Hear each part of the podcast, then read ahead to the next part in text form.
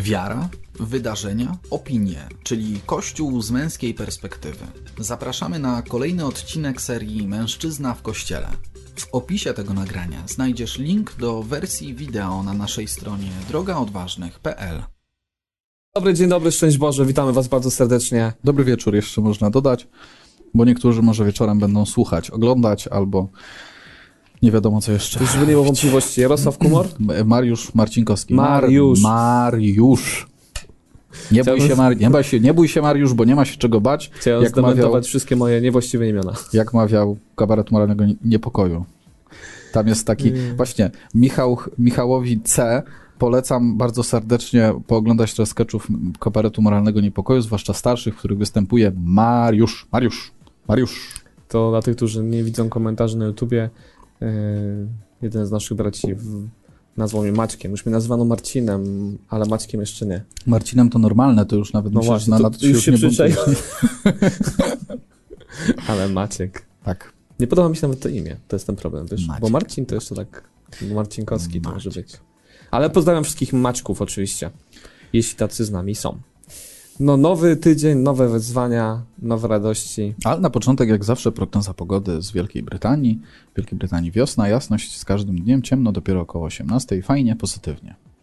Pozdrawiamy serdecznie Michała, e, który również niezawodnie, jak zawsze na początek naszej To audycji. u nas chyba trochę serwuje. szybciej ciemniej się robi jeszcze, No jeszcze trochę szybciej ale chyba już niewiele. i e, się robi coraz cieplej w ciągu dnia, prawda? Tak, Bardzo miło. To Bardzo miło. teraz to w ogóle jest gorąco. Ale mi jest tutaj zimno, nie wiem. Chyba kaloryfer jeszcze tak nie grzeje dostatecznie. O, za, za, zakręcony był, tak myślałem No, właśnie. Ja się muszę grzać tutaj kubkiem, tutaj- kubkiem kawy. Mamy taki tutaj podział redakcji, jeden jest ciemno, ciepłolubny, drugi zimnolubny i tak się można poznać to, kiedy pracował. Tak. Pięknie. Maciek to imię dla kanarka według mojej rusycystki. Piotr Paszkowski tak napisał. O, popieram. Ale pozdrawiam wszystkich. Ale jednocześnie pozdrawiam wszystkich Maćków. Dobrze, czekamy jeszcze tak chwilkę, się zbierzecie, dlatego rozmawiamy tutaj o różnych mniej ważnych i ważkich i poważnych sprawach. Mariusz odkrywa nowe funkcje swojego iPada. Ale ty masz na, na tym iPadzie, tak prze, przejdę płynnie do, do tematów, masz e, otworzony przewodnik katolicki, twój ulubiony. E, I cóżeż tam e, znalazłeś? No jest kilka takich ciekawostek i newsów. Pierwszy, który właśnie mi prze, prześliznął się przez oczy, a zapomniałem o nim wspomnieć, to to, że mm, jeden z kapłanów, misjonarzy, został kandydatem do pokojowej Nagrody Nobla. Słyszałeś? Wspaniale. Nie, nie słyszałem No o tym. widzisz, misjonarz, y, który się nazywa ojciec Pedro Opeka, Argentyńczyk z korzeniami słoweńskimi. To premier Słowenii go zgłosił O. jako kandydata, ponieważ w swojej misyjnej pracy y, y, postanowił wesprzeć ubogich i stworzyć tak zwane miasto przyjaźni, Akamas, Akamasoa. Y, No i właśnie y, tam sprowadził 70 rodzin i zbudował to miasteczko dla ubogich i taka wioska powstała, y, gdzie Ewangelia głosi się ubogim. A pracuje na Madagaskarze. Bardzo ładna wyspa. Kiedyś to miała być kolonia polska. Dawno temu. Tak? Tak, na początku e, XX wieku, jak dobrze pamiętam. Mhm. No, no to pięknie. No to w każdym razie e, piękna sprawa. Zobaczymy, czy to się uda, czy to jest możliwe. Ale no, premier go wskazał, czyli tak nie wyszło to z inicjatywy jakichś takich ruchów kościelnych. Nie, no tak, bo wiesz, tu od razu widzisz zdjęcie tego człowieka z papieżem Franciszkiem, widzisz, że ten człowiek jest Argentyńczykiem i od razu sobie myślisz, o tak, Strefa wpływu papieża się rozszerza. no. Na To różne- nie, nie, to jest strefa to wpływu chodzi. premiera Słowenii. Tak, a zdjęcie z Franciszkiem tylko papieżem, tylko ma podkreślić, że papież Franciszek błogosławi też temu dziełu. Zresztą Tak bardzo pięknemu dziełu. Więc trzymamy kciuki za nowego kandydata do nagrody Pokoju Nagrody Nobla, chociaż ostatnie lata kandydatów do Pokoju na, na, Nagrody Nobla raczej nie napawają mnie poczuciem, że to jest trafienie do jakiejś wyjątkowej grupy wspaniałych postaci, no bo Mhm. przecież teraz chyba nawet ostatnio strajk kobiet, tak? Nie, co to było? Co? Nie, nie. Y, Te ruchy czarnoskórych w Stanach. Live, em, przepraszam, Black. Lives Matter. A, meter. No. Okej. To w każdym razie oni, One matter. Tak... Przepraszam, się dwo, dworujemy sobie Komsz- poważnych rzeczy. Trochę tak kojarzy. W każdym razie oni też byli wybrani jako kandydaci. Mhm. No to tak, czy, czy nie wiem, pan prezydent Obama A to same tak, takie otrzymał. świecące przykłady, jeśli chodzi o propagowanie Unia. Unia Europejska? O. Też. A Kościół katolicki ciągle nie. Naprawdę. Jesteśmy oburzeni. Ale widocznie ciągle jest zbyt patriarchalny. Do tego jeszcze O, dojdziemy. to na pewno. Dobrze. E, Chciałem powitać wszystkich, którzy się nam tutaj e, na nas czekali, ale i się doczekali, i też tych, którzy w międzyczasie do nas docierają. Jest nawet z nami Roman Polański. Bardzo jestem ciekawy, kto się No już kryje był, był realnie. już Kaczyński, Grzegorz, Tak. teraz jest nawet Roman Polański, także Polański. Także nawet, no nieźle, nieźle, nieźle. Pozdrawiamy cię, Romanie. Jest Piotr, witamy serdecznie Piotra, jednego i drugiego, e, czyli Paszkowskiego i Podczaskiego. Witamy Pawła, Irka, także wszystkich tych, którzy zasadniczo są z nami co tydzień i mam nadzieję, Irku, liczymy na Ciebie, że dzisiaj też będziesz dla nas takim feedbackiem e, merytorycznym, e, bo to bardzo też cenne. Na pewno Mhm. przytowałeś trochę cytatów w tematach, Tak. które będziemy dzisiaj poruszać. Na łączach takich e, telepatycznych byliśmy przed Tak, audycją. zobaczymy jak dzisiaj. A dzisiaj jest trochę do cytowania, bo takie tematy też mogą być takie, wiesz, No słyszałem coś, dzieliłeś się tutaj ze mną taką ważną informacją o tym, że mogę coś się odnaleźć w tym iPadzie. Bi, bis, no widzę. To ja może tak wprowadzę, tylko delikatnie. Biskup O, Andrzej dobrze. Siemieniewski napisał książkę. Tak, napisał bardzo ciekawą książkę. Książkę o tytule, który pewnie dla wielu będzie e, ciekawym tytułem odnoszącym się do pewnych, pewnego napięcia, które jest obecne w kościele, czyli o ruchu pentakostalnym w kościele i w świecie w ogóle. Mm, tytuł książki Pentakostalizacja chrześcijaństwa, przewodnik teologiczno-pastoralny. Czyli nawet taki przewodnik bardziej niż książka. Mhm. Bardzo ciekawa. Jeszcze nie czytałem w całości, ale miałem okazję czytać fragmenty tej książki.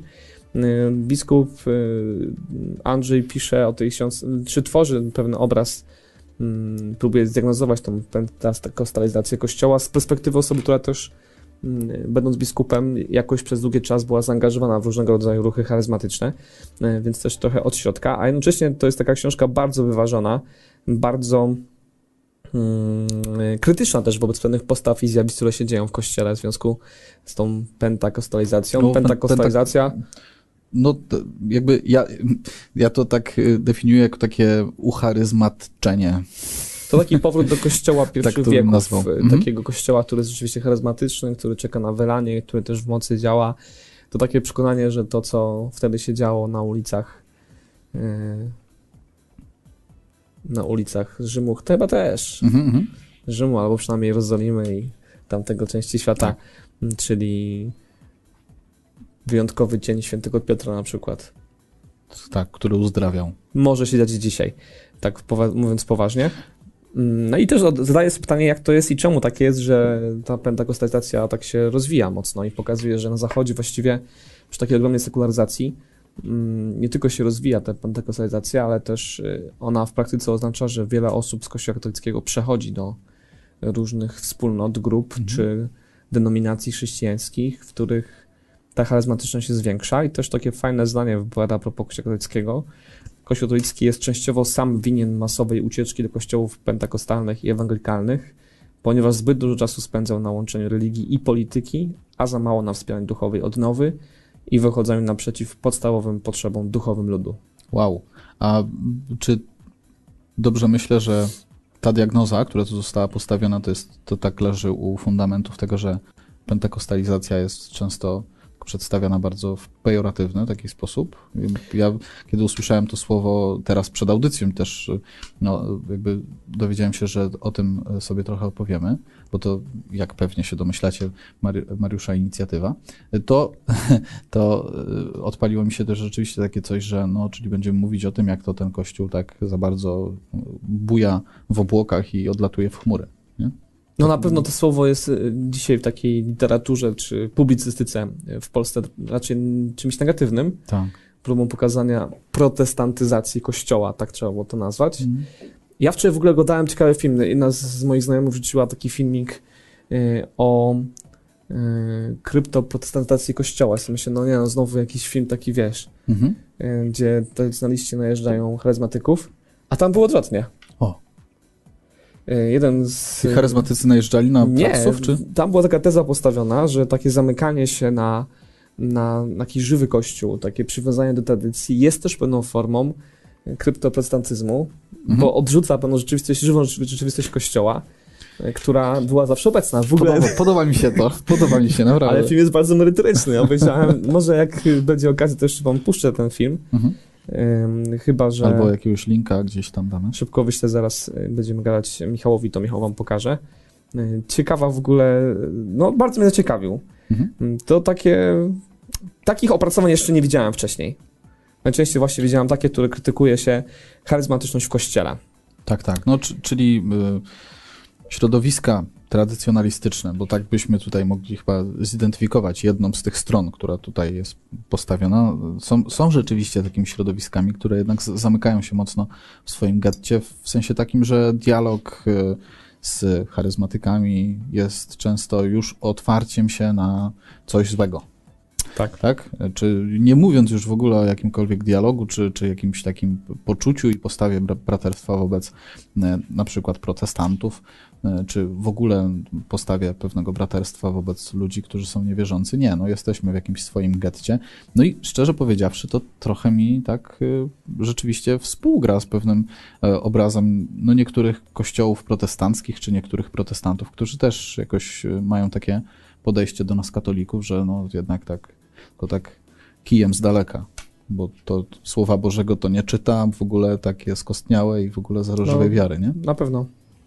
No, więc tak y, myślę, że rzeczywiście ciekawe, ciekawe spojrzenie, no bo y, my tak łatwo jednak patrzymy y, przede wszystkim na te środowiska charyzmatyczne, które są gdzieś tam blisko, blisko kościołów protestanckich, w jakichś swoich środkach wyrazu, czy, czy, czy też czy nieraz może w poglądach, czy, czy w ogóle w tym, że może wchodzą w pewien, w pewien taki dialog, czy przyjmują pewne praktyki, które w kościele protestanckim są zupełnie powszechne, a nie są sprzeczne z wiarą katolicką, nie? I, i, i postrzegamy te środowiska jako takie bliskie kościołowi protestanckiemu, kościołom protestanckim. O, ile nam się wypowiedziało w Polsce, niektórzy liderzy charyzmatyczni stawiają zbyt łatwo i pochopnie diagnozy dotyczące stanu zdrowia innych ludzi i samego Kościoła. To bardzo niebezpieczne, składające wspólnoty od wewnątrz to swoiste koń trojański. A ja właśnie chcę powiedzieć, że równie łatwo przychodzi tym tradycyjnym, tradycjonalistycznym liderom stawiać takie tezy co do e, zdrowia i samego Kościoła. Nawet powiedziałbym, że im bardziej przychodzi z No ja częściej to słyszę, nie wiem, może dlatego, że jakoś może mój, mój, mój profil na YouTubie mi więcej takich filmów może wyrzuca, nie wiem. Nie Czym wiem, ty z się czego to wynika, naprawdę. Ale tak, no, rzeczywiście. Ja mm, mam podobne odczucie, że, że częściej to, o czym Mirku piszesz, to e, z tej strony takiej tradycyjnej. Już w ogóle mm, ten, te, tak, to nazewnictwo takie, że to jest jedna strona i druga strona, ono oczywiście z pewnym uproszczeniem też. Miejmy to na względzie, to bardziej na, na potrzeby naszej rozmowy, tak to, tak to nazywamy, nie? jesteśmy w jednym kościele, o tym oczywiście Znalazłem pamiętajmy. e, kryptoprotestancy w Kościele. Aleksander Aleksander Bańka, jeśli Michał znajdzie takiego youtubera Aleksander Bańka i tytuł filmu Kryptoprotestancy w Kościele. Skądże ja znam tego człowieka? No Nie właśnie wiem. ja też się stawiałem, skąd go znam, Hmm? ale ostatecznie nie udało mi się do, do dojść do tego, skąd go znam, a to wczoraj powiem Ci, że tak o 22.50 rzuciło mi się w twarz Mhm. i tyle, co zdążyłem tylko przelecieć. No ciekawe to wygląda, ciekawie, więc jeśli macie ochotę, y, to mm, warto sobie do tych materiałów sięgnąć. Zresztą tu widzę, że to dużo takich ciekawych materiałów, jak rozpoznać fałszywych proroków w Kościele, jak reagować na kryzys w Kościele. Czyli kolejny katolicki youtuber, który być może być może zdobędzie pewną taką popularność. Tak. Może. Przewidujemy. chyba reprezentuje też tę społeczność charyzmatyczną bardziej. Mhm. Mm, Niemniej jednak też tutaj w tym filmie pokazuje, że to zagrożenie może być również z drugiej strony. I to jest, to jest bardzo ciekawe. Natomiast wracając do biskupa Andrzeja Mhm. i książki, to myślę, że zachęcamy, żeby przydać siebie, wyrobić sobie jakieś zdanie, bo on też tam y, jest bardzo krytyczny wobec niektórych postów, postaw charyz- charyzmatycznych. To nie jest człowiek, który chwali ruch charyzmatyczny, ale też No bo pokazuje... sam jest wewnątrz, nie? Tak, I tak. Jest, jest jakby częścią tego ruchu. Ale pokazuje, że jak każdy ruch y, i ma też pewne swoje błędy albo niewłaściwe kierunki, e, albo pewne akcenty postawione jakoś przesadnie w niektórych aspektach. Y, Jednocześnie podkreśla, że to nie oznacza, że trzeba to od razu y, odrzucić, no bo no właśnie.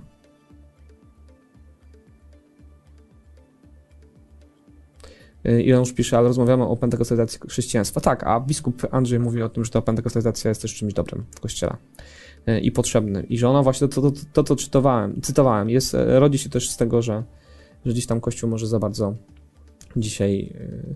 On też pisze bardzo fajnie. Mhm. Znaczy, w przewodniku katolickim, przewodniku katolickim jest wywiad z nim oczywiście, do którego bardzo serdecznie Was zachęcamy, bo to można od ręki z panią Małgorzatą Bilską przeczytać ten wywiad.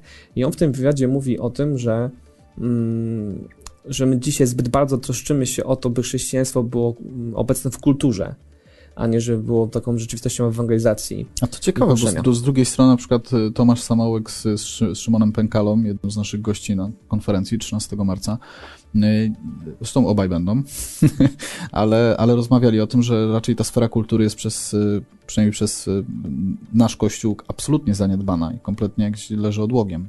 Nie? To chyba, że inaczej to inne rzeczy tutaj rozumiem pod tym, pod tym pojęciem, pod tym, co powiedziałeś. Bardziej chodzi o to, że skupiamy się na tym, żeby tam być, w tej kulturze mhm. i jakoś znaleźć swoje miejsce w kulturze, mhm. a to niekoniecznie musi być coś, co będzie atrakcyjne dla współczesnego człowieka, bo jednak ta współczesna kultura dostarcza więcej bodźców i ciekawych rzeczy, tak światowo ciekawych. Mhm. I nie wiadomo, czy jesteśmy w stanie tym konkurować na zasadzie, wiesz, oferty, nie wiem, ciekawych sympozji, spotkań i tak dalej, zapomniając o tym, że no, to, co może ludzi porwać, to Ewangelia i Chrystus. Tak. E, I to jest coś, co, na czym powinniśmy się skupiać. skupiać. W tym sensie trochę ten ruch pentakostykaalny w kościele e, przywraca nam myślenie o tym, że no, jesteśmy powołani, żeby wyjść i głosić on fajnie to pokazuje, że trochę przywraca też sens takim prostym katolikom w kościele, którzy, nie wiem, on tam fajnie cytuje, że jakaś szwaczka w Argentynie, czy ktoś tam gdzieś tam, e, jakiś pracownik w pralni e, ma poczucie, że może zmienić cały świat przez to, że będzie głosić Ewangelię wokół siebie, mm, tym najbliższym.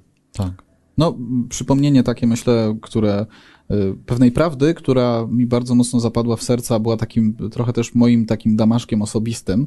Y, prawdy mówiącej, że ewangelizacja jest y, zadaniem w kościele, które jest de facto jego jedynym zadaniem.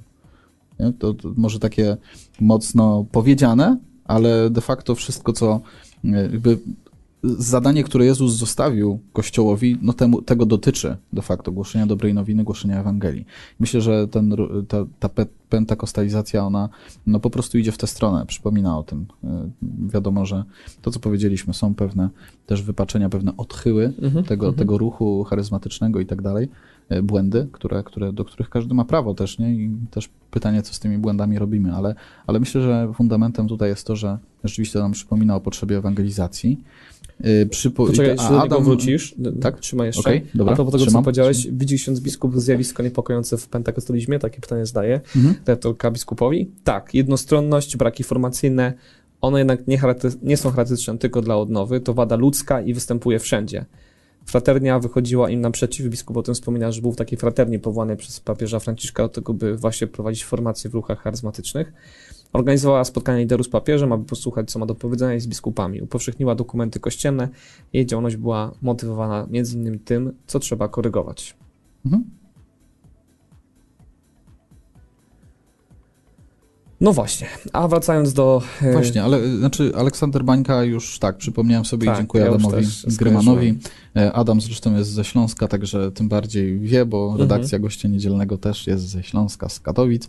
Tak, Aleksander Bańka, jeden z redaktorów Gościa Niedzielnego, zresztą kiedyś już przez nas chyba cytowany e, w Mężczyźnie w Kościele jeden z jego, z jego tekstów, ale właśnie na łamach gościa niedzielnego. Dobrze, dobrze, że, że, że E, że przechodzi do takiej działki YouTube'owej, chyba że już przeszedł dawnie, dawno, nie wiem. No, ale, kilku, ale kilka tak, ale... tam subskrybentów mhm. ma, mm, to więcej niż my, więc tak. jeśli, da, jeśli jeszcze nie zasubskrybowałeś naszego kanału na YouTubie, to właśnie to jest ten moment. Pomóż nam gonić Aleksandra Bańkę. Przynajmniej jego dogonimy. Jest szansa, że go dogonimy, bo już innych to nie wiem, czy dogonimy. Ale zobaczymy, kto wie, kto zobaczymy, wie. co będzie. Tak jest. Artur napisał, ja mam wrażenie, że pentakostalizacja jest dobrym podmuchem świeżości do kościoła. Obecnie obserwuje się za dużo moralizatorstwa, a za mało głoszenia Ewangelii. Oczywiście to tylko moje zdanie. Dzięki. A Irek wcześniej mówi, mam wrażenie, że dzisiaj wiara staje się tylko kulturą. Ewangelizacja jest podstawą. No to to, co powiedzieliśmy, mm, no oczywiście musimy wchodzić w kulturę, albo inaczej tworzyć kulturę. Można, o, może właśnie to bardziej chodzi o to, że musi, znaczy, nie żeby ona, wchodzić, ona też tworzyć. była na pos, jakby na służbie ewangelizacji, tylko Tak. w tym sensie takim, że jakby, bo myślę, że wiemy, co, czym jest tak zwane kino chrześcijańskie, albo tak zwana muzyka chrześcijańska, nie? I myślę, że na to przy, przy, przy tym wątku warto zwrócić uwagę. Dla mnie osobiście na przykład, myślę, że już całkiem chyba nawet niedawno o tym, o tym mówiłem, dla mnie osobiście, y, najbardziej mm, takim perswazyjnym y, na przykład zespołem chrześcijańskim w Polsce dla mnie jest Lux Torpeda, która wcale się tak nie określa. Nie? Tak bym to nazwał. lider był ostatnio naszym gościem. A, to zupełnie na marginesie, torpedach? to tak zupełnie tak przy, przypadkowo akurat. Wprawdzie nie będzie gościem kolejnej konferencji, która już 13 marca, wszystkie informacje na stronie powołań do przywództwa.pl i to będzie konferencja o oczekiwaniach, ale rzeczywiście to był jeden z, to dla mnie też jeden z ważniejszych zespołów, jeśli chodzi o muzykę chrześcijańską. Pro, product placement. Ale Lica by się zrzym, zrzymał na, tak, na takie określenie, że to muzyka chrześcijańska i zespół chrześcijański i tak dalej, nie? Nie, myślę, że tak, tutaj przede wszystkim chodzi o to, jakie wartości przemycamy w tej muzyce, które nie są wypowiedziane e, wprost i, i jakby dla kogoś spoza kościoła czy z obrzeży kościoła, jeżeli wprost e, uderzamy od razu w pewne, w pewne tony e, tego, że Bóg cię kocha, ale grzech to, to w ogóle jest twój, twój, twoja bolączka i to sprawia, że cię oddziela od Boga i tak dalej. No, jakby musimy znaleźć pewną, pewną miarę w tym też, nie? Tak myślę. Myślę, mi i- się przypomina zespół Skillet Mhm. amerykański, który e, jak się go słucha, to trudno w ogóle mieć jakieś wątpliwości, że on jest chrześcijański. A przypadkowo Mhm. jestem na fanklubie polskim i tam średnio co jakiś czas jest taka dyskusja, czy aby oni nie mówią coś o Bogu?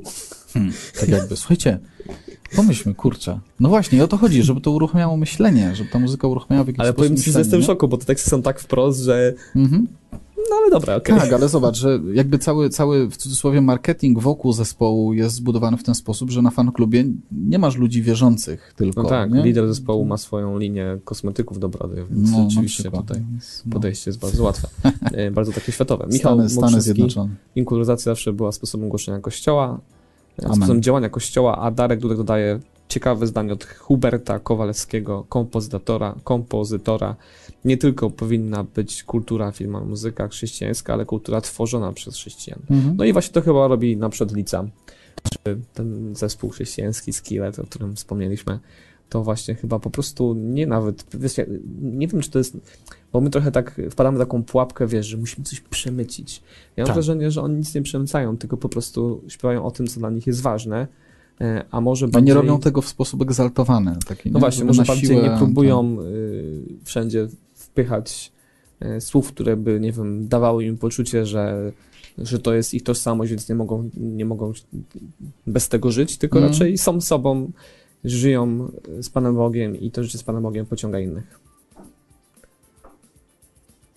Tak jest. Także wiesz, przeszliśmy zupełnie właściwie przypadkiem, mam wrażenie, na pole muzyki chrześcijańskiej. Proszę bardzo. Coś stało?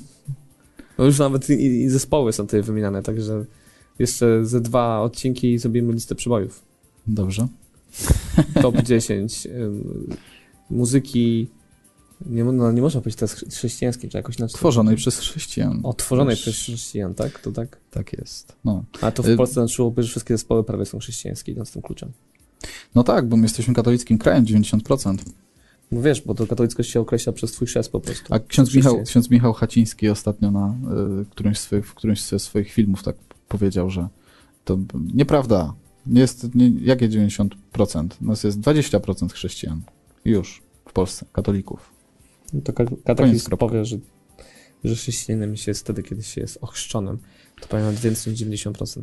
Ano, fajny ten skillet, nie znałem. No, także Tomaszu, miłej podróży wraz ze skilletem. Tak. Mm. Cieszymy się, że rozpocząłeś tę podróż. Widzisz jednak, O, no, muzyka nawracająca. Może się okazać, że te nasze spotkania niewiele zmieniają w myśleniu naszych braci, ale za to powodują, że mają nowe pasje, zainteresowania muzyczne. Amen. To Cieszymy może się. być bardziej owocne. Może zamiast gadać o kościele, zaczniemy gadać o zespołach No, o- przez chrześcijan. O, o zespołach tworzonych przez chrześcijan, czy, czy chrześcijańskich, ale takich przynajmniej na początku. Widzisz wczorajszy live? 20% chrześcijan to 80% Tak jest, tak pracy do jest. wczorajszego live'a. Prawo Pareta. Proszę bardzo, jak ktoś nie widział, to na naszej stronie drogadważnych.pl po zalogowaniu dostęp do live'a jest z wczorajszego. Także Michale, gratulujemy Tak jest. pamięci pewnych wniosków, które wyciągnąłeś z wczorajszego live'a. Tak, no dużo by można rzeczywiście wymieniać. Wymieniał, ja próbuję cały czas przejść do, do kolejnego tematu. A muzyka chrześcijańska jest tutaj wspólnym mianownikiem. Muzyka tworzona przez chrześcijan, Tak, pamiętaj. tak, nie tak. Ale wiesz, ale kiedy w 2000 bodajże 11 roku Piotr Żyłka tworzył taki, taką, taki cykl tekstów y, co niedzielnych pod tytułem Niedzielne Inspiracje, to tam wprost on promował muzykę chrześcijańską. Tak. I to głównie były zagraniczne zespoły, ale w pewnym momencie pojawił się zespół polski, on się nazywał jak? Poczekaj, poczekaj, jeszcze zanim powiesz, Jak się nazywał? ja jeszcze tak skomentując, czyli ale teraz Mhm. już wiemy, że to nie jest muzyka chrześcijańska tworzona przez chrześcijan, przez chrześcijan, a Piotr Żyłka wiemy też, że już nie prowadzi tego, tych Tak. felietonów, audycji, co to było? Takie teksty chyba to były Teksty. takie po prostu. Ale dobrze, jeśli dobrze zrozumiałem. Jedną z gwiazd tych tekstów był zespół, a właściwie no dobra, może zespół. No zespół. No, Zespół? zespół. No tak, zespół. Kto zgadnie jaki zespół? O którym już trochę mówiliśmy. Ostatnio czy przedostatnio? Przedostatnio albo A, przed przedostatnio. Albo przed przed. Chyba przed przed. A jednak ten temat wraca. No bo ta muzyka rzeczywiście jednak inspiruje, pobudza i porusza nasze serca. Tak, a ja byłem niedouczony w ogóle w kwestii tej muzyki. Nie Y, wiedziałeś, co Słuchajcie, po jakieś nazwa? trzy, nie, jakieś trzy, jakieś trzy audycje temu, y, kiedy był tutaj przed wami Michał Ziółkowski z Mariuszem, y, to, to była mowa o tym zespole, o tej wokalistce, także kto zgadnie, ten dostanie, nie wiem, A lajka od Michała, który obsługuje nasze fanpage. okej, no, może i tak być. Miałem co innego już na końcu języka, ale okej, Bilet? Niech będzie, niech będzie like, na przykład. A, to za mało na bilet. No, za mało na bilet, słuchajcie. No dobra, skoro tak. Okej, ale tak, ale byłem niedouczony, ja dopiero wczoraj tak odpaliłem sobie e, jakieś, znaczy jeden z taki najbardziej znany utwór, no to, no to znałem, choć nie znałem treści zwrotek. One tak bardzo pozytywnie mnie e, zaskoczyły. Aha. E, W sensie, że to nie było takie poboż, pobożnościowa gadka w tym sensie, nie? Jest, Adam dostanie Juuu. lajka. Adam, Wprawdzie na YouTubie trochę trudniej jest dać lajka chyba, Adam, przeloguj się na Facebooka, co? O, ale uwaga. nasz administrator Uwaga. poradził sobie. Zobaczcie, jaki zaradny chłopak. Tak jest. Także dostałeś lajka. Także super, bardzo się cieszymy. Tak, w pewnym momencie Piotr Żyłka zaczął, e, jakby zaczął, no, przy, przywołał w ramach swoich audycji zespół Love Story e, i Magdę Frączek, która była frontmenką albo frontwomanką No tego to- zespołu. Pewnie to drugie bardziej. E, Tak. Po latach e, jakby temat Magdy Frączek, jej pewnej metamorfozy jest wam znany z, e, na pewno i z przestrzeni medialnej, z ostatnich, ostatniej naszej, jednej z, z ostatnich naszych audycji, ale pojawił się 20 lutego na kanale YouTube'owym Piotra Żyłki, byłego redaktora naczelnego, już byłego redaktora naczelnego portalu don.pl, wywiad z Magdą Klejc. Frączek. Czyli Magdą Frączek, krótko mówiąc. Ale tak, Magda Frączek naprawdę nazywa się Magda Klejc e, po mężu. Niepokorna katoliczka, wrażliwa mama i żona wspiera protesty kobiet. I w ogóle tutaj pierwszy już człon tego opisu osoby, niepokorna katoliczka. Jak No to to katoliczka? zaraz- zaraz Niektórzy jeszcze się o- odezwą. Jeszcze o Magdzie za chwilkę powiem, ale jeszcze taką Mhm. chwilę zatrzymując się przy Piotrze, Mhm. bo, bo to jest w ogóle jego pierwszy podcast. No tak, tak. Takie, Tak, takie wyjście- znamienne, że tak od tego zaczyna tak naprawdę, na od tego spotkania. mhm, mhm. No ale wiesz, on jakoś narysowuje według mnie to, prostu- co, czym się chce zajmować, po albo prostu to- pokazywać Kościół. on o tym spotkaniu już myślał od dłuższego czasu, też czynił starania. Od starania, ale po ostatnim odejściu z Deonu, odejściu lub odesłaniu, nikt tego do końca nie wie, ym, tak naprawdę mówił o tym, że szykuje nowy projekt. No i wiesz, myślę sobie, że zawsze wybiera się takie na początek coś, co... Jest takim flagowym. No to wiem, pie- jak to pierwsze wejście, wiesz, no to się audycję. Mhm. jakoś ludzi chce zainteresować, no to myślę, że ten wybór Magdy Frączek nie jest przypadkowy. No, blisko 2,5 tysiąca wyświetleń na YouTubie, póki co. Więc zobaczymy, y, na ile to będzie takie interesujące. Ale sama rozmowa y, bardzo ciekawa. Bardzo ciekawa rozmowa, y, która odpala dużo wątków do przemyśleń. Do tego Was y, za, zachęcamy, żeby przesłuchać sobie, choć niektórzy, y, przynajmniej w komentarzach pod, pod, na, na YouTube pod tą rozmową, niektórzy piszą, że nie warto słuchać, bo to płytkie. Tak, ale, ale Mhm. myślę, że poruszymy parę wątków też z tej rozmowy, które po prostu dają do myślenia i też jakby każą zadać sobie pewne, pewne pytania. Ja przyznam, że nie słuchałem, bo Mhm. utknąłem na opisie. ten opis tak mnie wprowadził w taki nastrój, że już nie posłuchałem dalej. Mhm. Ale ty przebrnąłeś dalej przez Ja, cały... nie, ja po prostu opis przeczytałem później. No widzisz, no to To podzieliliśmy dlatego się. chyba. To dobry podział. Ja wziąłem opis na tę audycję. To notabene pod godzina 30. Tak, tak, Na szczęście na YouTubie mogłeś to przyspieszyć, Mhm. ale tak czy inaczej dług, długa rozmowa. tak jest. Y, Moje pierwsze wrażenie po, po przesłuchaniu jest takie, że trochę się tak poczułem jak na takim polu minowym, y, w którym jakby nie mam prawa nic zarzucić w ogóle Magdzie Frączek. To Więc tak jakby- kneblowali ci usta. Tak, tak, tak, takie miałem poczucie po prostu, nie? nie wiem, jakby nie zakneblowali, bo za chwilę parę tematów tutaj poruszymy, ale, e, ale tak, ale miałem takie wrażenie, tym bardziej, że jestem mężczyzną, to już w ogóle nie wolno się odzywać. Patriarchat. E, Bo jednak tak, pa, patriarchat jest jednym z głównych wątków tej, e, tej rozmowy, ale właściwie my Ale tutaj no- o, samym, o samym patriarchacie nie, nie będziemy tutaj Chociaż nam wiele mówić, taki patriarchat, nie? Męska wspólnota. No tak, tak, to się zawsze właśnie, po, tak. pojawiało. To znaczy, co, co, myślę, co jakiś czas, pewien taki częstszy czas. Tak, będę robił trochę przerywników. Kiedyś dzwonia do mnie pani z takiego pisma, które jest prowadzone przez takiego pana Tomasza, Mhm. yy, który ma taki portal na różne tematy. Już więcej nie podpowiem. Okej. bez lokowania produktów. Yy, No i ona tak mnie spytała właśnie, czy no, że tak, tak wiesz, udawała, że jest zainteresowana tym, co robimy i tak chciała mnie wypytać tak, o, tak, tak otwartą rozmowę z takimi pułapkami właśnie, nie? Mhm. No, czy, czy, czyli panowie tak propagują taki model rodziny, w którym to mężczyzna zarządza wszystkim, prawda? Tak spokojnie chciała, wiesz, aby udowodnić nam, że jesteśmy patriarchalni i w ogóle kobiety tutaj nie mają wstępu. No właśnie. No ale tak na marginesie, ale wróćmy Mm. do ciekawej, znaczy nie wiem czy ciekawej, teraz się dowiemy jak on opowiesz, rozmowy Magdaleny Frączek z Piotrem Żyłką. Mhm. Tak, Mi- Mi- Michał, nasz, nasz tutaj operator, stwierdził też przed audycją bardzo ciekawie według mnie, że to trochę brzmi jak rozmowa u terapeuty. W sensie Piotr Żyłka po prostu przytakuje y, i gdzieś tam potwierdza pewne jej wnioski jakby jest bardziej takim właśnie tutaj towarzyszem y, jej wypowiedzi niż, niż kimś, kto y, pewne rzeczy chce y, może skonfrontować, może w jakiś sposób zapolemizować, więc jeżeli ktoś by się spodziewał, że tu będzie jak, jakaś forma pewnej dyskusji, to, to się bardzo za, zawiedzie. Y, Być może też nie, nie taki był cel po prostu tej rozmowy, żeby dyskutować i, i w jakiś sposób się spierać.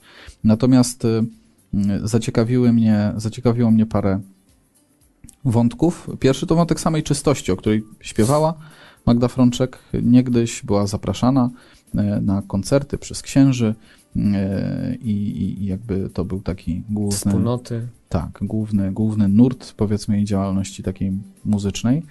Yy, I dzisiaj o tej czystości też w ramach tej rozmowy mówi następująco, że jest to po prostu balast, czystość przedmałżeńska. Jest po prostu pewnym balastem, który jest nakładany przez Kościół młodym ludziom, balastem nie do uniesienia. Jest to otoczone taką piękną, kwiecistą teologią, z której niewiele wynika, po prostu w praktyce nie, to jest zbyt dużo dla młodych ludzi. Czystość przedmałżeńska. Czy ja mam dobre wrażenie, że to jest trochę patrzenie na ten temat jednak od zupełnie odwrotnej strony niż się powinno patrzeć? Trochę od końca niż od początku? Okej, Bardzo dobra intuicja. dziękuję. Proszę bardzo. Proszę kontynuować. No, dla ciebie też myślę ważny temat. W sensie znasz, ma, Zaczytałem znasz Magdę... i powiem ci, że działam na dwa okej. fronty teraz. Rozumiem. Więc nie słuchałem, szczerze mówiąc, ale zgadzam się z tobą. Bo rzadko kiedy się z tobą nie zgadzam. Czy mam powtórzyć? O, o te rzeczy. Ale tutaj Irena już pisze, kim jest Magda Frączek, że poświęcamy jej tyle czasu. Mhm. Jarosław, możesz odpowiedzieć na to pytanie. To pytanie. A Y, trzy znaki zapytania. Nie, myślę, że nie, y, nie poświęcamy, nie będziemy tutaj poświęcać samej Magdzie Frączek tyle czasu, tylko y, jakby pewnemu, jakby to powiedzieć, żeby nie skłamać i dobrze oddać to, co mam na myśli. Y, Osoba, y, która odchodzi od kościoła, sama mówi o sobie, że jeszcze nie odeszła, myślę, że nam obrazuje pewne zjawiska, procesy, które zachodzą wśród młodych ludzi, czy wśród gdzieś naszego otoczenia, naszych znajomych, e, pewnego patrzenia na Kościół i myślę, że po prostu warto e, spojrzeć na pewne, m, pewne tendencje, które się pojawiają po prostu w Kościele i które powodują e, odpływ wiernych. Tak bym to nazwał. Nie? I myślę, że ta rozmowa to w jakiś sposób tutaj nam obrazuje bardzo ładnie. Michał pyta, tak czy w rozmowie była agresywna, czy gotowa do budowania dialogu. O, tutaj, tak? Ten Michał, bo Michałów jest dużo. Tak, była agresywna miejscami. Ja nie słuchałem, ale Ja jakby goto, ci. gotowości, gotowości do, do dialogu nie, nie, Nie nie dostrzegłem i nie odczułem. Tak, to Przynajmniej propos, w większości to rozmów. a propos odpowiedzi. Więc yy, wracając do Irka, no tak, porozmawiamy chwilę o Magdzie, bo też chodzi o to, że dotykała tematów bardzo ważnych w tej przestrzeni. mm, Nie, bo wiesz, Ryku, też zobacz, jakby wy, wy, wy, wyciągam temat czystości z tej rozmowy i o tej czystości chciałbym, żebyśmy powiedzieli, no bo jednak dla młodych ludzi dzisiaj to jest y, taki wniosek, tak? To jest zbyt y, duży balast. Dlaczego młodzi ludzie nie chcą w ogóle słyszeć o czystości przedmałżeńskiej, nie? I widzą, że ojej, w ogóle jak to Kościół takie rzeczy robi, to ja nie, dziękuję, nie chcę takiego kościoła. Nie? No właśnie. No wracając do tematu czystości, Magda, która była autorytetem w tym temacie, no bo jednak myślę sobie, że wiele ruchów i grup, które wtedy ją zapraszały, też korzystały z jej mu- muzyki jako środka ewangelizacji i głoszenia prawdy o czystości, o tym, że piękna miłość jest miłością, która jest czysta, która potrafi zachować swoją, e, która potrafi żyć wstrzemięźliwości do ślubu. Mm, No dzisiaj jakby zupełnie mówi o tym, że to jest błąd, że to y, Kościół próbuje tworzyć nauczanie, które jest oderwane od rzeczywistości. Wręcz z tego, co podałeś mi, można by było wnioskować, że nieludzkie. Tak, nieludzkie, znaczy w tym sensie, że jakby przywołuje teologię ciała Jana Pawła II jako i w ogóle na, nauczanie Jana Pawła II na temat właśnie czystości, na temat ciała, na temat pewnego takiego uporządkowania w tej sferze seksualnej jako coś, co jest odrealnione, nie współgra zupełnie z światem współczesnego młodego człowieka i też językiem współczesnego młodego człowieka. E, Czy to jest okazja do pewnych wniosków? Kościół powinien o czystości mówić innym językiem, nie, niezbyt przeteologizowanym? Już Czy- o tym trochę mówiliśmy. Ja c- jakiś czas temu czytowałem, cytowałem em, Westa, znanego takiego działacza amerykańskiego, który promuje teologię ciała, to mówi o tym, że Kościół przez ostatnie dziesiątki lat w ogóle nie poruszał tematu seksualności. Traktował trochę ten temat jako temat, temat tabu. Mm, I w związku z tym, że w Kościele trudno było uzyskać odpowiedzi na te pytania, albo one były takie bardzo ogólnikowe, albo takie nieprecyzyjne, albo takie niejasne, albo były wstydliwe, no to kultura trochę przejęła tą rolę tego, który będzie mówić o tej czystości, czy nieczystości, czy o seksualności Mhm. po prostu. I przez wiele lat my milczeliśmy i trochę y, dzisiaj się budzimy w takiej rzeczywistości, w której brakuje nam czasem języka, brakuje nam sposobów, żeby pokazać wartość tego, co jest dla nas ważne. Może tak jak w przypadku Magdy, sami przestajemy wierzyć w to, y, że, że to ma wartość i Mhm. że to jest ważne. A propos teologii ciała akurat, tutaj z Magdą się zupełnie nie zgodzę, bo to tylko oznacza tyle, że Magda nie zna teologii ciała. Bo jak ktoś ją poznał i wszedł w tą teologię ciała, to ona jest bardzo ludzka i bardzo życiowa y, i bardzo skupiona na człowieku. Oczywiście pisana przez filozofa, etyka, y, bo taki jest przecież Jan Paweł II, y, Karol Wojtyła, ale dzisiaj już mamy tyle opracowań, tyle różnych sposobów pokazania tej teologii ciała, Chociaż trzeba powiedzieć, że głównie w, w Ameryce i ona w Ameryce robi furorę, bo nie wiem czy wiesz, ale oni teologię ciała biorą y, i robią to, co robi Lux Torpeda. Mhm. Czyli idą do szkół, y, pokazując teologię ciała, nie mówiąc o tym, że to jest, nie wiem, nauczanie kościoła, Jan Paweł czy to II. Jan Paweł II papież, tylko podstawy teologii ciała wkładają młodzieżom w ramach zajęć, wykładają młodzieżom w ramach zajęć w szkołach i ta młodzież jest tym porwana. Mhm. I ona, jest dużo świadectw tych młodych ludzi, którzy mówią o tym, że mm, to są odpowiedzi i wskazówki, które, z którymi się zmagają każdego dnia i współczesna kultura nie jest w stanie im udzielić tych odpowiedzi, a właśnie to, co jest teologii ciała, przychodzi z tymi odpowiedziami. Więc uważam tutaj, że bardzo krzywdząca ocena Magdy, raczej wynikająca z nieświadomości niewiedzy tej ciała, niż z faktu, że ją poznała i stwierdziła, że jest nieżycioła. Dla mnie jest bardzo bliska, powiem szczerze, że mnie też w wielu tematach, w moim rozumieniu siebie, seksualności, płciowości y, jest kluczowa i y, jak najbardziej wnosi dużo świeżości, ale takiego też spojrzenia w to, jak Pan Bóg patrzy na nas. Mhm. Michał pisze, bo Karol Wojtyła intelektualnie o tym teoretyzuje, takie mniej więcej, taki, Taki był więcej wydźwięk. wydźwięk. No Mhm. oczywiście Wojtyła tworzy podstawy teologii ciała, yy, zresztą on nie ma też dużo przestrzeni, żeby ją rozwijać jako papież później, poza katechezami środowymi, no, ale współcześnie ci, którzy wychodzą z tej teologii ciała, z tych podstaw, no przekładają to na praktykę życia bardzo mocno. No to jest jakby podstawa, dzięki której później Kościół żyje e, tym tematem, żyje też tym, że tę teologię ciała e, rozwija o tyle, że też przekłada na język zwykłego człowieka. Myślę, że to jest nie tyle zadanie Jana Pawła II, co wybrzmiewa jakoś z oczekiwań akurat tutaj wyrażonych w tym wywiadzie, tylko to jest zadanie chociażby kogoś takiego Christopher West, którego, którego przywołałeś, czy, czy po prostu nas, nas jako, jako katolików, którzy jeżeli rzeczywiście widzą e, też swoje predyspozycje do tego, no to, no to jak najbardziej, nie? To, to, to jest e, materiał taki, e, twa, powiedzmy, tak to nazwę, twarda teologia, no, którą, którą po prostu przekładamy na, na język ludzki. Mhm. Każda dobra praktyka musi mieć dobrą teorię. Dokładnie. A my dzisiaj zaczynamy trochę odwrotnie w naszym życiu. Często zaczynamy od praktyki, która zbudowana jest na, nie na teorii, nie na jakimś fundamencie, tylko na jakichś emocjach. Nie? I dzisiaj mhm. jak patrzymy sobie na różne prądy myśli i zjawiska w kościele, to często widzimy tam wiele emocji. Zresztą myślę, że ten wywiad też taki jest, że tam bardziej to jednak jest jakaś próba wyrażenia Magdy emocji, e, niż wyjście od jakichś przekonań, które są prawdami, które odkryła w drodze, wiesz, intelektualnych i doświadczalnych poszukiwań. Mm. Ale jeszcze, jeszcze, jeszcze jedną kwestię, myślę, tak, chciałbym poruszyć. Y, może dwie y, z, z tego wywiadu, które jakoś pokazują też y, młodego człowieka, czy, czy człowieka, który jakoś dzisiaj zaczyna brzydzić, brzydzić się kościołem. Nie byłam w żadnej wspólnocie, ale wiem, jak one funkcjonują. To taki wniosek z jednej wypowiedzi, kiedy Piotr Żyłka pyta, pyta Magdę o to, E, właśnie o tę rzeczywistość wspólnotową, gdzie ona jakby w tym momencie też właśnie mm, e, startu Love Story i takiego, takiego apogeum popularności, e, gdzie ona była w kościele, w sensie jak ona się odnajdowała w kościele, czy to były jakieś wspólnoty i tutaj rzeczywiście pada takie stwierdzenie, że, że nie, nie, nie była nigdy w żadnej wspólnocie, ale jakby ludzie z jej otoczenia często byli, więc ona po prostu wie, jak funkcjonują, zna tę rzeczywistość.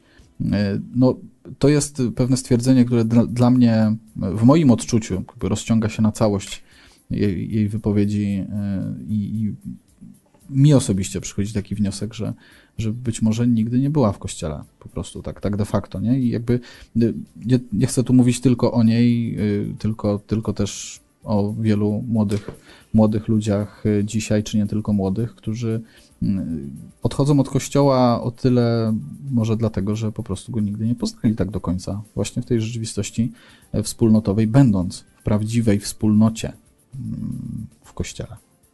No, to jest problem hmm. też, chyba o tym też mówiliśmy wtedy, kiedy pierwszy raz poruszaliśmy temat Magdy, yy, czy Love Story, że rzeczywiście tutaj ten brak wspólnotowości jest takim czymś, które jest takim znakiem czasów. My Jesteśmy dzisiaj nastawieni na indywidualności, każdy wie najlepiej, wszystko wie najlepiej, każdy może głosić swoje prawdy i swoje mądrości, mm, bo tak czuje i koniec.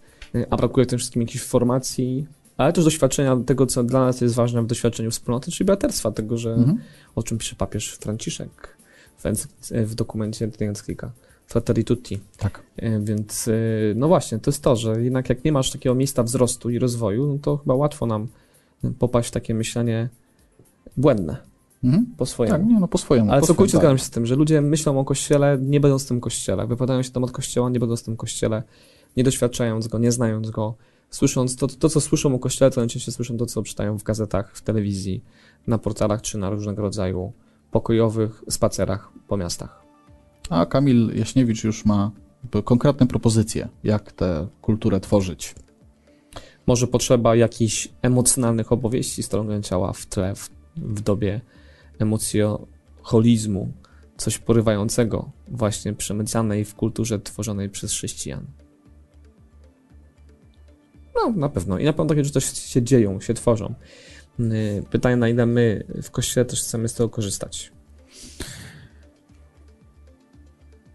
Okej, okay, to myślę, że mm, tę kwestię taką wspólnotową mamy za sobą. Y, na pewno ważny jest tutaj jeszcze Hmm.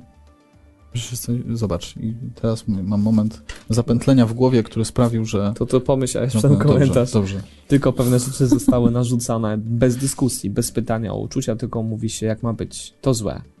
Dziś łatwo odejść i przestać słuchać o Polsce. Mówi się państwo zakazów i nakazów. No, myślę, że tak się mówi też o kościele głównie. Mm.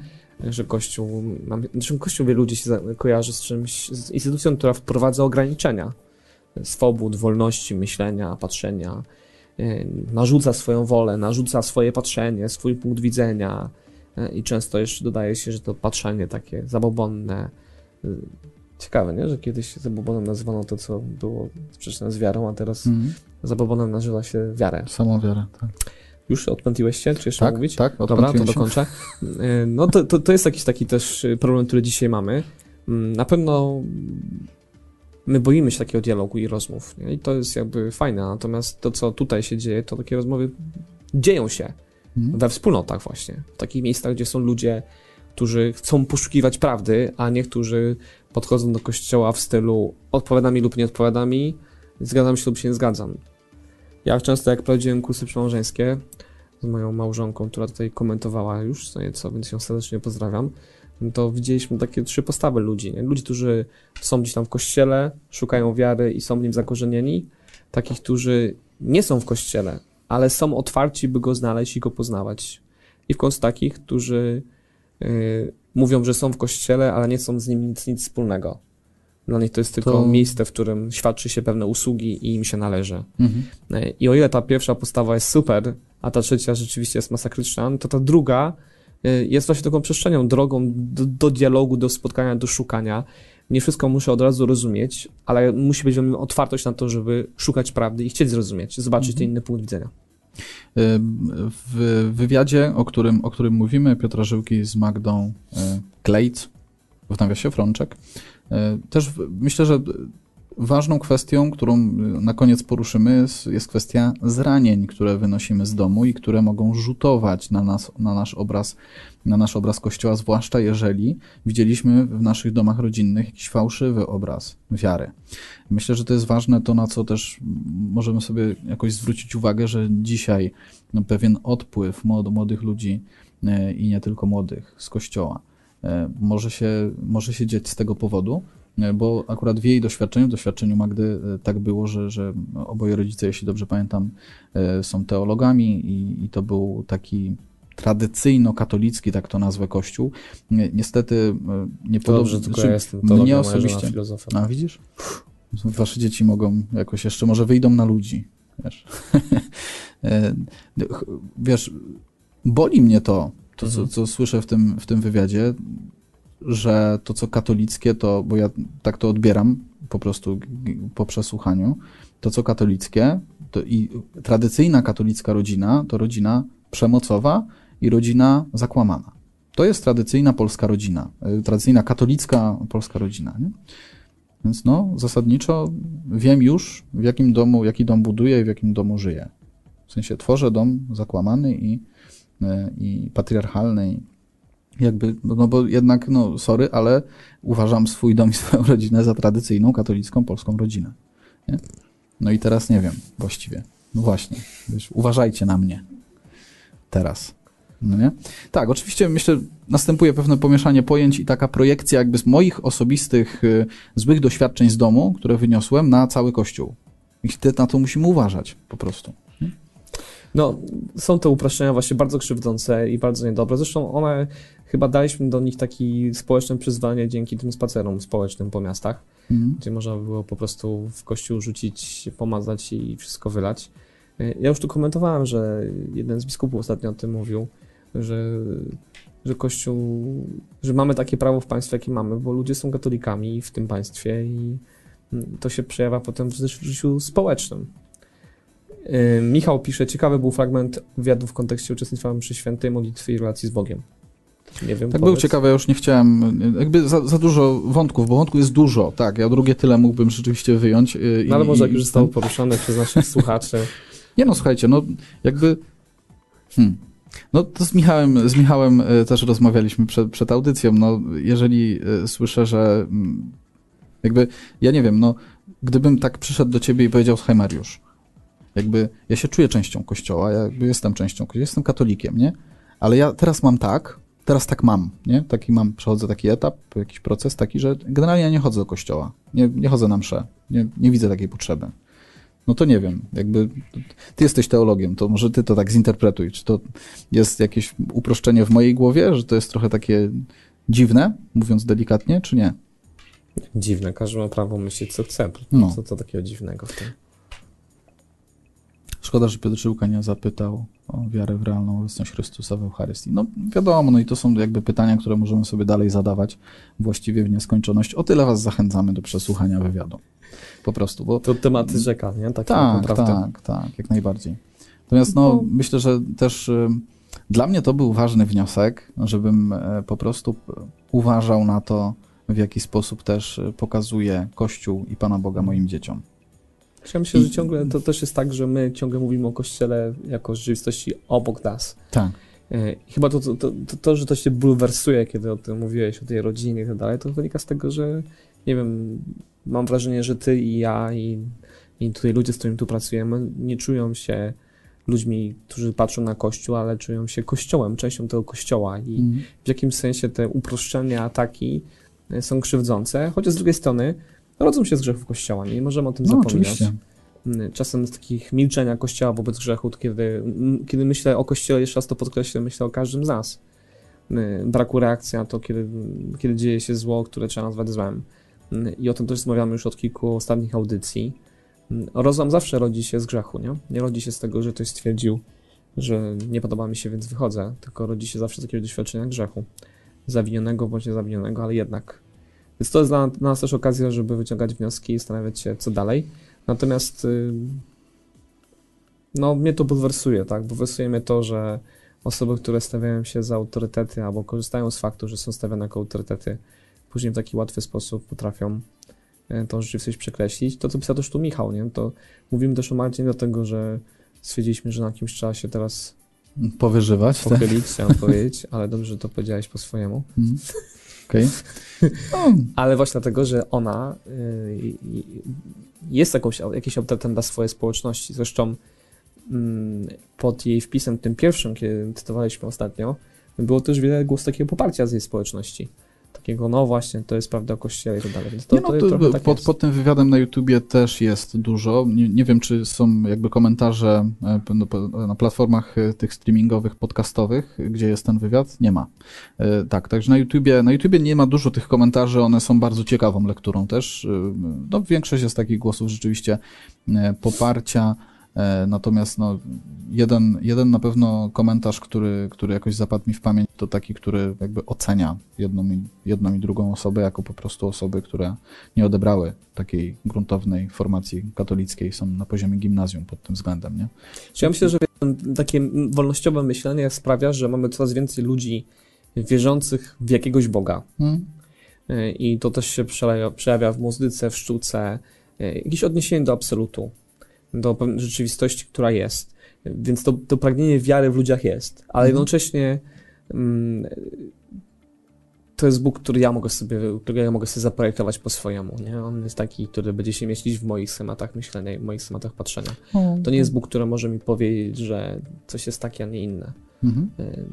To jest Bóg, który Tak, zawsze no, będzie otwarty na To to, jest że ja jestem. też taki, a ostatnio inny. wa- ważne dla mnie e, pytanie, jaki dzisiaj mam obraz Pana Boga, jaką sobie kalkę nałożyłem, jaki, jaki filtr swój jakiś. Ja, na- kiedy na mówisz o tych zranieniach, to myślę, że to, to, to, to warto na to zwrócić uwagę, Mhm. że my właśnie przez nasze doświadczenia, historię w jakimś sensie ciągle tworzymy jakiś obraz Pana Boga i ta wspólnota, ta formacja jest właśnie po to, byśmy ciągle e, dekonstruowali ten swój obraz Pana Boga i szukali prawdy o tym, kim On jest, jaki On jest, a nie tylko i wyłącznie mm, tworzyli ten obraz na podstawie własnych doświadczeń, Mhm. które są naznaczone słabościami, grzechem, naznaczone też zranieniami osób nawet, które pokazują się jako osoby bliskie Panu, Panu Bogu. Mhm. E, Okej, może Michał zjedziesz nam komentarz na Facebooku, bo Irek nam napisał, budujmy naszą wiarę na Panu Boga, nie na jakichś szemranych autorytetach. No, takie... Przepraszam cię, Irku, jeśli to, to cię, mam nadzieję, że cię to nie zaboli, taki truizm właściwie, nie? Natomiast no, myślę, że te, te ludzkie autorytety są, są dla nas, znaczy są potrzebne o tyle, że myślę, że jako faceci zwłaszcza, tak sądzę, no potrzebujemy kogoś, kto będzie nas prowadził w takim ludzkim wymiarze relacji po prostu, nie? Także o tyle myślę, że, że to jest ważne, nie? Natomiast to, że... Autorytetem pan- się jest wtedy, kiedy się jest autentycznym w jakiejś konkretnej obszarze życia, więc trudno to nazwać to szemranym autorytetem. Mm, Pro- Autorytetem przestaje się być wtedy, kiedy porzuca się wartości, którymi się żyło. I w tym sensie dla mnie Magda, z mojego punktu widzenia, która w tej przestrzeni tematu czystości była autorytetem, już dzisiaj nim nie jest. Mhm. Y, I jakby to chyba tak jest po prostu, że ludzkie autorytety zawodzą. O, to jeśli to chciałaś wyrazić Irku, to, to z tym możemy się zgodzić. One zawodzą, y, a my ciągle musimy tą prawdę poszukiwać i budować ją na relacji z Bogiem. To jest prawda. Kropka. E, Okej, to myślę, że już e, wyczerpaliśmy na dzisiaj e, temat e, jakby pewnego odpływu wiernych z kościoła, tak, tak bym to nazwał, e, który, gdzie, gdzie takim pewnym e, dla nas case study, tak to nazwę, był wywiad e, e, Piotra Żyłki z, z Magdą Frączek, choć sama Magda się określa jako osoba, która jest nadal w kościele. Ale to już jakby temat na osobną, osobną rozmowę. E, No, to jak prezydent Stanów Zjednoczonych.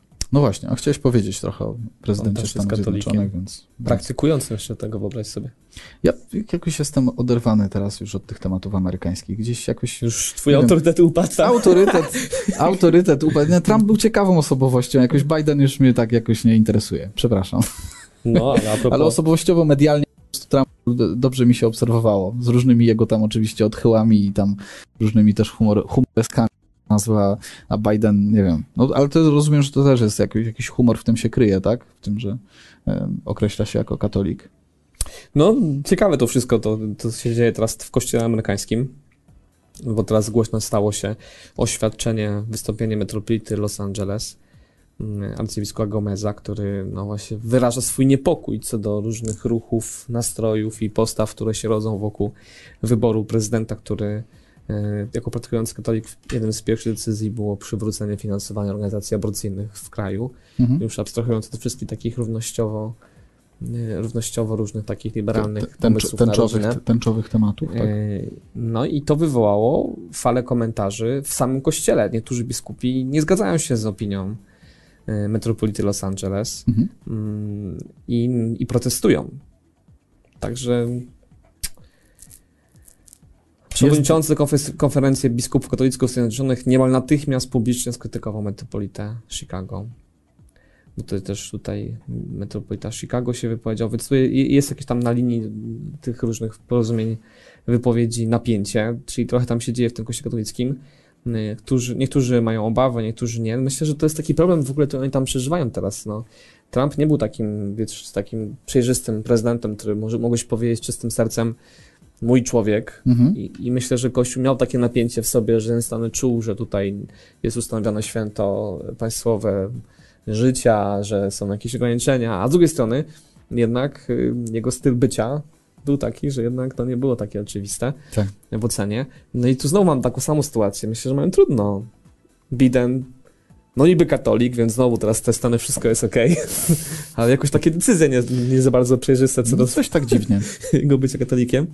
Nawet ym, tutaj w tym artykule w Przewodniku Katolickim, zatytułowanym Kłopotliwy katolik w Białym Domu, autor odnosi się, autor, czyli ksiądz Artur Stopka, do faktu, że y, sugerowano, że papież Franciszek jest takim zwolennikiem Bidena. O, że na miesiąc przed wyborami wydaje encyklikę Fratelli Tutti, no to nie przypadek, to, to, to, to wyzwanie do takiego wyjścia naprzeciw. czyli Mm. teoria spiskowa już tak, jest więc już były takie teorie, że wiesz, że to Franciszek tutaj y, Maczał lobbował. Tak lobbował jest. prezydenta przyszłego, Tak chociaż powołuje się ksiądz Artur na, na życzenia, które Franciszek złożył z okazji wyboru nowego prezydenta, no i w tych życzeniach już raczej widać, że papież y, przypomina podstawowe rzeczy, które powinien powiedzieć katolik. To, to wszystko fajnie, panie Więc- Joe Bidenie, ale prawda, więc jakby tak. tak, delikatnie Okej, chciałem tylko okej, napomknąć, że wiesz, tak. prawda, Jakbyś przypomniał sobie, co było na katechezie w podstawówce, to jakbyś, jakbyś zapomniał, to ja bym tak lekko tylko przypomniał, tak żeby na początek prezentury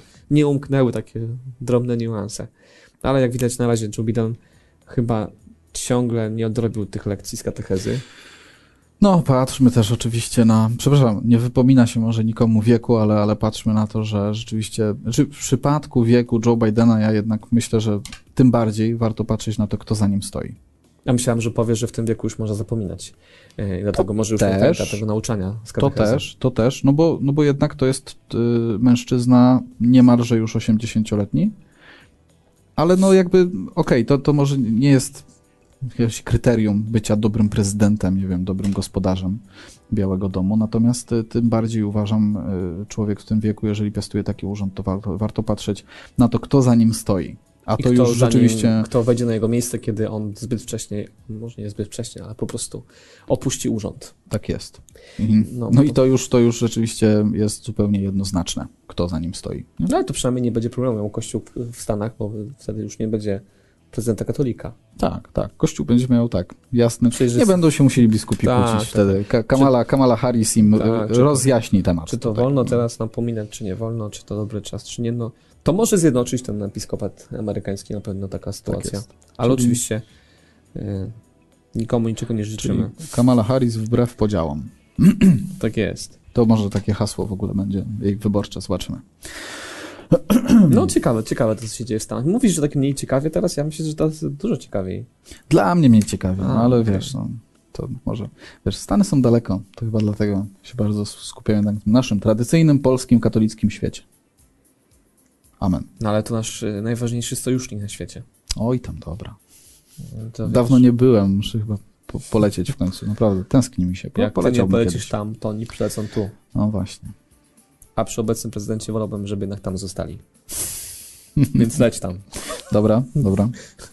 Dobrze, to Okej. już będę czynił starania To taka, taka mały taki ten... Słuchajcie, no tak, taka cieka ciekawostka, nie? A, ciekawostka. Jak jesteśmy przy te, temacie ciekawostek, to drugą ciekawostką jest e, tweet, bodajże tweet chyba przy, przywołany przez e, Weronikę Kostrzewę 21 lutego na, na Facebooku e, Weroniki Kostrzewy, Dziś dużo o kobietach, widzisz? publicystki, dziennikarki Radia Plus.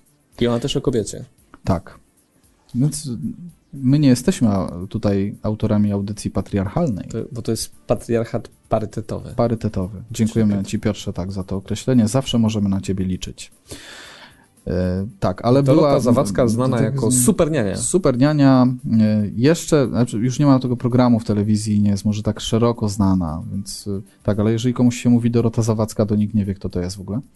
Ale tak, super niania to rzeczywiście już jest hasło, na które, na które reagujemy. Kompletnie nie rozumiem obecności księży w mediach. Powinni być jedynie w kościołach. Juhu. Fajnie jej Weronika odpisała. Tak. E, Kompletnie Pamięta, nie, nie czy- rozumiem. Nie, nie wynotowałem sobie dokładnie. Ale nie rozumiem tego niani No tak, w mediach. nie, powinna nie, nie, nie. przedszkolu, Niania, niania powinna być zamknięta w pokoju z dzieckiem i mówić tylko agugu. O, tak to Nie, bo to jest niewychowawcze, nie wolno tak dzieciom mówić. Nie? Trzeba do nich mówić pełnymi wyrazami zdaniami, a nie jakieś tam... Niania powinna być tylko zamknięta e, w pokoju z dzieckiem i, I mówić do niego mówić. pełnymi wyrazami. Tak jest. A nie jakieś tutaj tweety puszczać. Tak jest. Co ona sobie wyobraża. Skandal No w tak, ogóle. no. Jak to jest możliwe, że niania jest na twicie? Hmm? Na Twitterze. Że odpuszcza tweety. Twitterz. A, Twitterz. Nie Też, chciałbym, ter. aż się boję pomyśleć, że robi to w trakcie Ale za, zaczęto, zaczęto wy, wypominać w ogóle pani, Słyszysz? pani Zawadzkiej, że... skandal. No właśnie. Jako młody To też, ale chciałbyś, żeby wiesz- twoja niania pisała tweety? No, to takie świeże doświadczenie, bo ostatnio pierwszy raz zostawi, zostawiliśmy dziecko z, z nianią i właśnie I tak. sprawdzać konto na Twitterze niani? Muszę ją A, zaprosić nie, do nie znajomych na Facebooku. To, I wtedy będę wiedział, będę wtedy miał kontrolę jako taką. No tak, tak. No właśnie.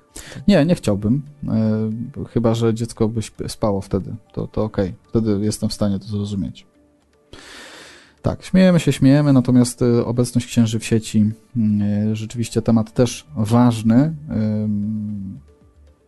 No właśnie, chyba powinni jednak być ci księża obecni w sieci. Zresztą ostatnio też o tym rozmawialiśmy przy okazji by tematu tego, że polscy biskupi są zupełnie nierozumiani i jakoś uważani za takich oderwanych od rzeczywistości i może właśnie to do nich jest to wezwanie takie A O może to, o to chodzi o byli- niani, byli obecni. Nie księża, tylko że biskupi powinni być, a to takie zamaskowane przesłanie było. a i że też ja tego nie A rozczytałem. tu już negatywnie od razu odbierają nianie. Nianie to są pozytywne osoby najczęściej. Tak. Nie wolno mi przypisywać takich. Czyli drodzy księża biskupi, Dorota Zawadzka zachęca. Zaprasza, tak, biskupów. Koniec z księżmi, niech biskupi w końcu będą. Ważny temat, niechaj będą nasi biskupi e, w, i nie tylko biskupi, ale, ale w ogóle kapłani w mediach obecni, ale obecni w taki sposób e, Mądry. Mądry, mądry, ale też myślę profesjonalny. A, Jak to o, to, to użyję stwierdzenia takiego, takiego e, słowa, którego cięż, często używa Szymon Hołownia, żeby nie byli w tak, tak paździerzowo w tych mediach. Się nie przedstawiali tak paździerzowo. Te kanały na YouTubie i ich, te, te, niech to będzie takie profesjonalne, takie, takie jak Pan Bóg przykazał. Zastanawiam się ostatnio, czy też teraz tak nosi powiem. okulary, to jest taki przeliczony, jest tak, wiesz, w tych wszystkich takich tych badaniach, czy to jakoś lepiej wpływa na odbiorcę. Ale kto nosi? Bo teraz Szymon nosi okulary. A, rzeczywiście. No i to nie wiem, czy to było wynika z wady, czy tylko, czy to miał taki zabieg, wiesz, taki socjologiczny jest. Nie, no ja. To dla mnie jest ważne, bo ty nie masz, ja mam, to może mam jakiś większy wydźwięk przez to, że ja mam, a ty nie masz. powinienem, słuchajcie, już nosić, na pewno muszę się udać. Nie, nie, nie musisz, nie, nie trzeba. Jarek, nie trzeba nosić okularów, po co? Nie, słuchaj, Mariusz, w przypadku Szymona Hołowni Będę musiał To- zwiększyć na większe. to nie jest, y, to nie jest zabieg y, żaden marketingowo-propagandowy i w życiu nie dam sobie wmówić w ogóle czegoś takiego. E, Po prostu Szymon y, musi mieć lepsze oczy teraz do czytania wszystkich tych ustaw, rozporządzeń i, I wykrywania pisania, paździerzy. pisania programów i wykrywania paździerzy i okulary do tego są potrzebne, jeżeli wiesz, no widocznie gdzieś tam też, znaczy sam jest człowiekiem słowa, człowiekiem, który dużo pisze, dużo czyta, no przecież to oczywiste, że te oczy się eksploatują. Natomiast wiesz, no Słusznie. i też jego misja, misja polityczna, którą teraz podejmuje, no, widocznie po prostu tego wymaga. Natomiast, no wiesz, przypisujesz taki marketing jakiś polityczny i w ogóle jakieś takie działanie czysto PR-owe, wy- wynikające z badań, no wiesz, to, to od razu sugeruje, że to nie jest to takim, miałem na wiesz, myśli, Jarku, nie to miałem na No myśli. to- Jestem no daleki dobrze. wszelkich manipulacji psycho-społeczno-medialnych. No, dobrze, Także w takim razie. słuchajcie mnie uważnie, na pewno nie to miałem na myśli. No. A wracając do, do niani, no to rzeczywiście mam taki problem trochę, bo myślę, że ta niania to chyba nie posłuchała tych księży na YouTubie żadnych. Może gdyby tak posłuchała, to może coś tam by z tego jeszcze wyniosła. A który myślisz najbardziej by jej przemówił do... Powiem ci szczerze, że, że ostatnio rzeczywiście jestem zaskoczony, że przybywa tych kapłanów na YouTubie, Mhm. na różnych takich mediach społecznościowych. E, To takie ciekawe zjawisko jest. E, Chyba dostrzegamy, że to jest taki kanał, który mm, który jest kanałem, który może powodować zwiększenie zasięgów, mówiąc krótko. Mhm. Wykorzystała to obecna władza w wyborach. E, Czemu by nie wykorzystać tego w głoszeniu Ewangelii? Mhm. No nie, nie powiem, którego najlepiej by było słuchać, bo też nie znam y, potrzeb niani. Ale jest taki, o wiem, wiem, który, jest taki A jednak. pa- pandziochy. Pod tak w jej klimacie by było, No, nie? Pod, Tak, to, to, poczekaj, ale to jakiś Dominikanin był, tak, z taką pandą i rozmawiają o, o podstawowych prawdach wiary. Moje dzieci bardzo to lubią. Myślę, że to, to może być przydatne dla, dla niani. Na przykład jak jakaś niania nas ogląda i chciałaby y, swoim dzieciom, którym się opiekuje, pokazywać takie filmy z wartościami, to pandziochy są bardzo fajne. Także polecamy. Polecamy. Chciałem porozmawiać jeszcze o jednej rzeczy. Chyba jednej tylko. No bo obecność księży, no to już jakby oczywiste. My oczywiście, Kamil, y, możemy za zaprosić biskupów, nie wiem, czy przyjmą zaproszenia do naszego studia, ale, Ale przyjmują nas zaproszenia. Najbliższa konferencja 13 Mhm. marca powołanie na przywództwa.pl biskup Milewski, który jest na naszym fanpage'u i zaprasza na konferencję. Wprawdzie nie przyjechał do naszego studia, ale nasze studio pojechało do niego. Tak jest. A w ostatnim czasie w ogóle nasze studio też pojechało do Szymona Pękali. Do A już nie mówię o tym, że Anny wracając Bauchan. do Ameryki, byliśmy też w Ameryce, no bo biskup też, Tak, tak. Ale to już na konferencji. poprzednia konferencja, tak. Super przygoda. Tak. Miami. Ksiądz z osiedla dla pani Doroty Sawackiej. No, Wiesz, no, to też myślę, że taki przekaz, który jakoś mogłaby się w niektórych kwestiach ale powiem ci, że niektóre jego filmiki są grube. Widziałeś? No, są, są niektóre, tak. Nie, nie, dużo nie widziałem. Nie, jakoś tak jeszcze nie doszedłem do, do etapu księdza z osiedla, ale no, przyjdzie na to czas na pewno. Tak jest. Dobra, co tam jeszcze chciałeś powiedzieć? Wiesz co, na z EKI.pl pojawił się taki mm, wywiad z osobą, mężczyzną, e, który był wykorzystywany seksualnie przez e, kapłana Mhm. w, jako nastoletni chłopak. I on e, opowiada o tym, w jaki sposób został potraktowany przez kurię krakowską i przez księdza e, kardynała Stanisława Dziwisza. I teraz uwaga. To nie będzie, mm, teraz i mówię zupełnie poważnie, to nie będzie wypowiedź o tym, jak to strasznie, straszna była to reakcja i przemilczane, w ogóle cały przypadek przemilczany, zamieciony pod dywan. Tylko, no jakby nie wiem, jak traktować ten przekaz, bo my w przestrzeni medialnej wszędzie widzi, raczej słyszymy o tym, jak to wszystko jest zamiatane pod dywan i tak dalej, i temu oczywiście nie przeczymy, ale na takie głosy jednak warto też uwagę zwrócić. Ja zacytuję niektóre tylko fragmenty sobie wynotowałem. E, oczywiście został napisany list do kurii bodaj po 22 latach od, od tego, kiedy, kiedy to się działo. Ten człowiek już właściwie poza kościołem, tak o sobie też opowiada, że, że był w tamtym momencie jeszcze poza, mhm. poza kościołem. Natomiast impulsem było to, że spotkał tego księdza po prostu gdzieś na jakimś targu. Mm. I, i podszedł do niego, zapytał go, czy go pamięta. Ksiądz zaprzeczył jakby też patrząc na tego człowieka, jakby mając takie gdzieś wewnętrzne przekonanie mu przyszło, że, że to trzeba, że jakby człowiek chodzi normalnie po ulicach, on mhm. wie, czego doświadczył y, od niego i, i miał tę świadomość, że może też krzywdzić nadal. Nie? I, I, ten, ten list napisał. Bardzo szybko dostałem odpowiedź z kurii. Telefon zadzwonił po dwóch tygodniach, a ksiądz kardynał pierwsze co zrobił. Powiedział, że napisałem dramatyczne słowa, że to są dramatyczne przeżycia, że bardzo mi współczuje, że chciałby e, zrobić co w jego mocy, żeby mi pomóc. Widziałem w tym człowieku autentyczną troskę i takie zaniepokojenie, że do tego doszło.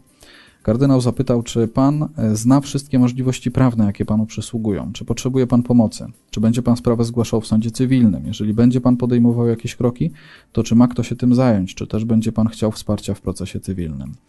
Poinformował mnie także, że zostaną podjęte kroki prawne przez Kościół. Zapytał, czy będę mógł złożyć zeznanie przed prawnikami kościelnymi, aby rozpocząć cały proces. Dał mi czas do namysłu, abym sobie przemyślał, żebym nie dawał odpowiedzi od razu i zaprosił mnie na kolejne spotkanie.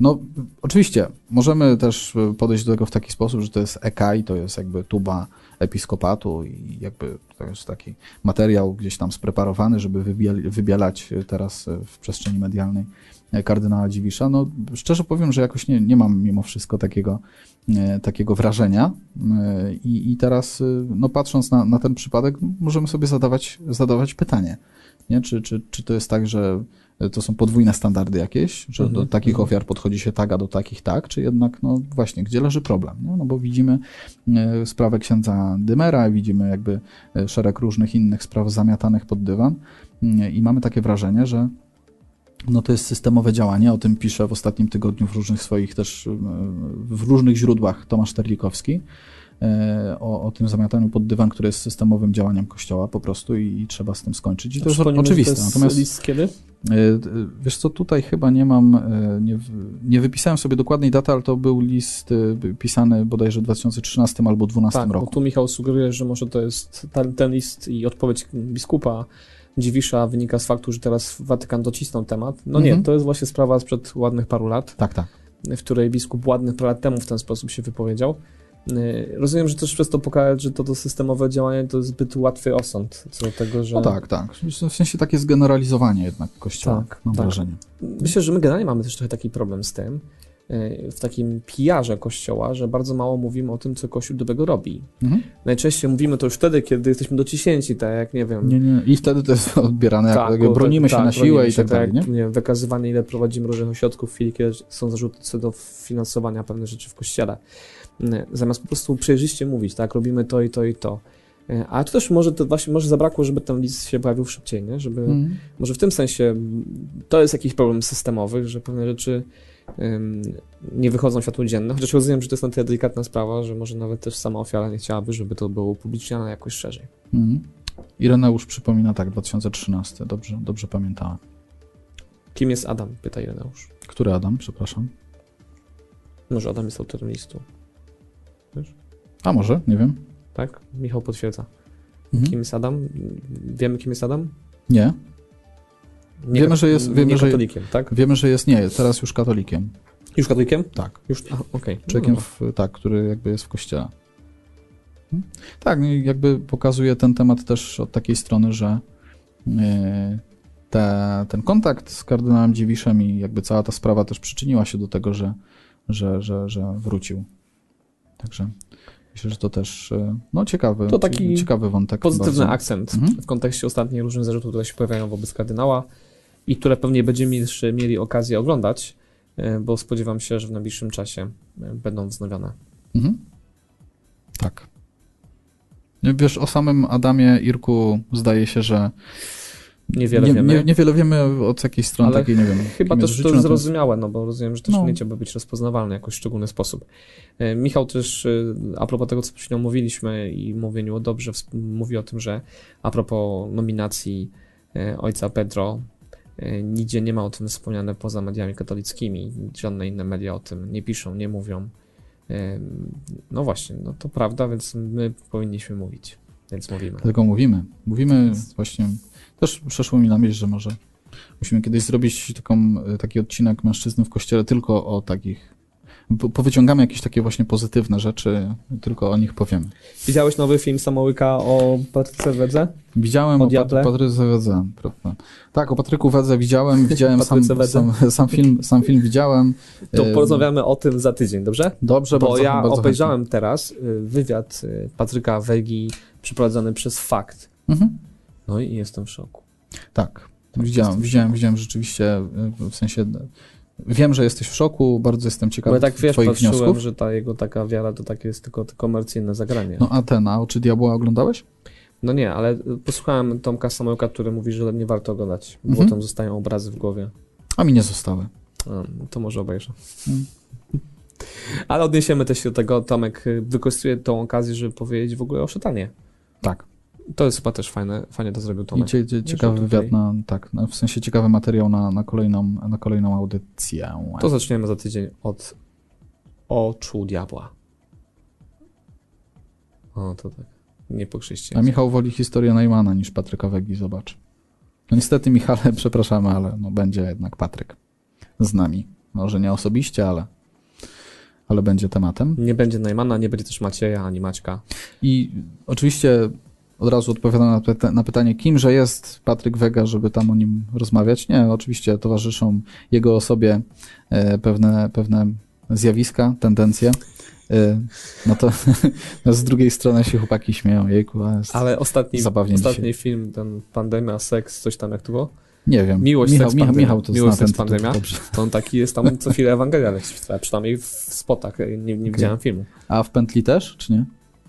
Tam wobec mnie Ewangelii w Penti. Nie, nie ma. Nie ma, nie ma. E, Okay. No, a więc, więc dlatego też poruszamy Wyświetliła mi się w Patryka Wegę. propozycjach ostatnio. On w tym wywiadzie w fakcie, on tam co chwilę mówi, że ja jako wierzący, że Chrystus, że to, no, widziałeś to? Ja jako wierzący, wiesz, no ostatnio, już nie Jak, jak, pamiętam pan, gdzie... jak pan przetrwał tą, nagrywając tą, ten dokument? No, tylko modlitwa i Chrystus.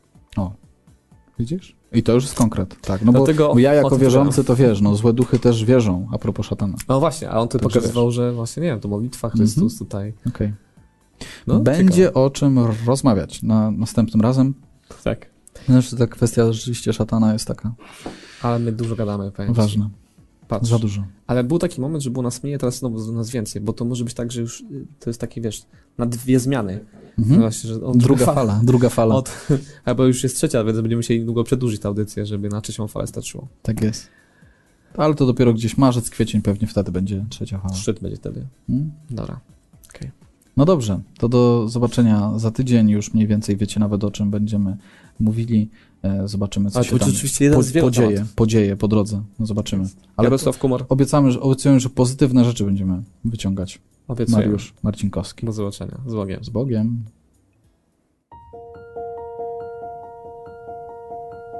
Szczęść Boże, szanowni panowie, drodzy bracia.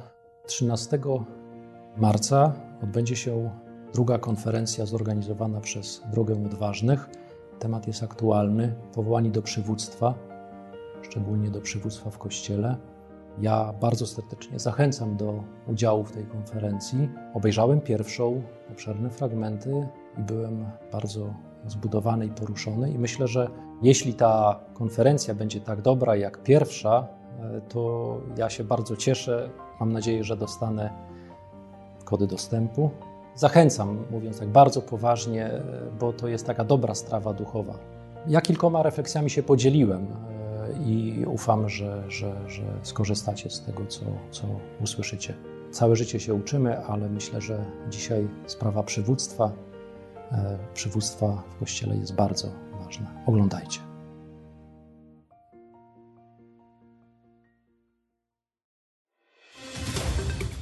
Słuchałeś odcinka serii Mężczyzna w Kościele. Jeśli chcesz nas poznać bliżej, zapraszamy na drogaodważnych.pl.